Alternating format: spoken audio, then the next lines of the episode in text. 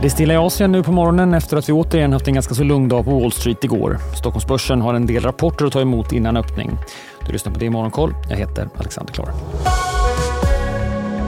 Börsen i Asien ger oss inte mycket signaler vad marknaden vill någonstans. Tokyobörsen stiger marginellt medan börserna i Fastlandskina backar.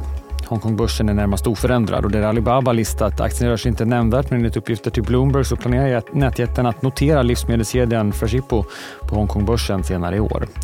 Det har kommit en del data från Asien, bland annat, som visar att den japanska exporten var oväntat stark i mars och ökade med över 4 i årstakt.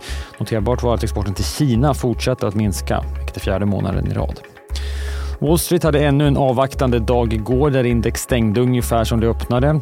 Efter stängning släppte elbilstillverkaren Tesla sin rapport och bolaget prickade i mångt och mycket förväntan både för omsättningen och för vinsten. Aktien föll 6 i efterhanden. De senaste månaderna har bolaget sänkt priserna rejält och jämfört med i fjol så var resultatet klart lägre. Rörelsemarginalen var också den lägsta på över två år.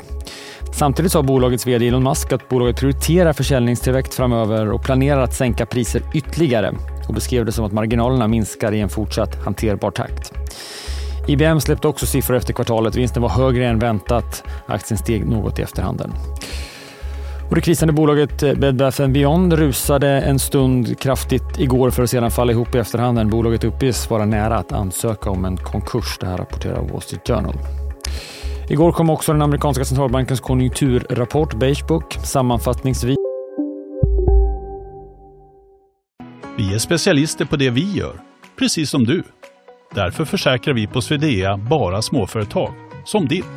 För oss är små företag alltid större än stora och vår företagsförsäkring anpassar sig helt efter firmans förutsättningar. Gå in på swedea.se företag och jämför själv. så är läget ungefär detsamma som för några veckor sedan. Rapporten visar att konsumenternas konsumtion var oförändrad eller något minskande. Tre av tolv distrikt vittnar om en blygsam tillväxt medan nio upplevde att ingen eller liten förändring sen sist. Fed noterar också att bankernas utlåningsvolymer och efterfrågan på lån minskat. Inflationen är fortsatt ett problem och Fed borde agera för att få ner den var också budskapet från Fed-guvernören John Williams igår. Kort nu innan Fed går in i sin tysta period inför den troliga räntehöjningen som kommer i början på maj.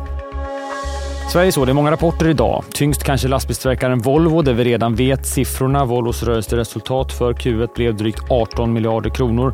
Marginalen landar på 14 procent. Klart bättre än väntat. Spännande att höra vad vd Martin Lundstedt säger om utsikterna och vad vi ser i orderböckerna. Men vi vet ju sen kollegan Traton också kommit med en omvänd vinstvarning att det är fortsatt bra efterfrågan. Vi får också rapporter från Husqvarna och så finska Nokia. Bostadsutvecklaren Bonava märker den förändrade bostadsmarknaden och vinstvana för det första kvartalet. Rörelseresultatet förväntas uppgå till 45 miljoner kronor, en minskning från 82 miljoner kronor i fjol. Antalet färdigställda bostäder blir också färre än väntat och landade på 800 stycken i kvartalet. Bolaget säger också att det rådande marknadsläget gör att försäljningen tar längre tid.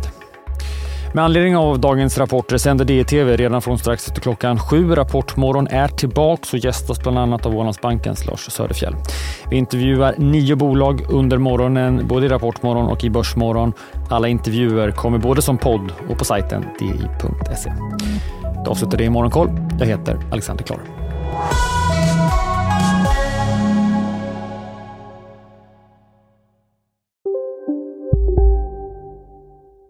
Där det finns ett samhälle, där finns det brott.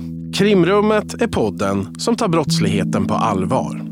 Jag bjuder in landets ledande experter och tar upp aktuella rättegångsfall för att begripliggöra den kriminalitet som kryper allt närmare. Du, alltså, du kan knäcka ett eller några gäng, men det kommer komma nya och så kan vi knäcka dem sen. Men att du ska knäcka allt forever, det kommer aldrig ske. Det är infinite gain. Lyssna på Krimrummet, en podd från Expressen med mig Kim Malmgren. Hej, Ulf Kristersson här. På många sätt är det en mörk tid vi lever i. Men nu tar vi ett stort steg för att göra Sverige till en tryggare och säkrare plats. Sverige är nu medlem i Nato. En för alla, alla för en.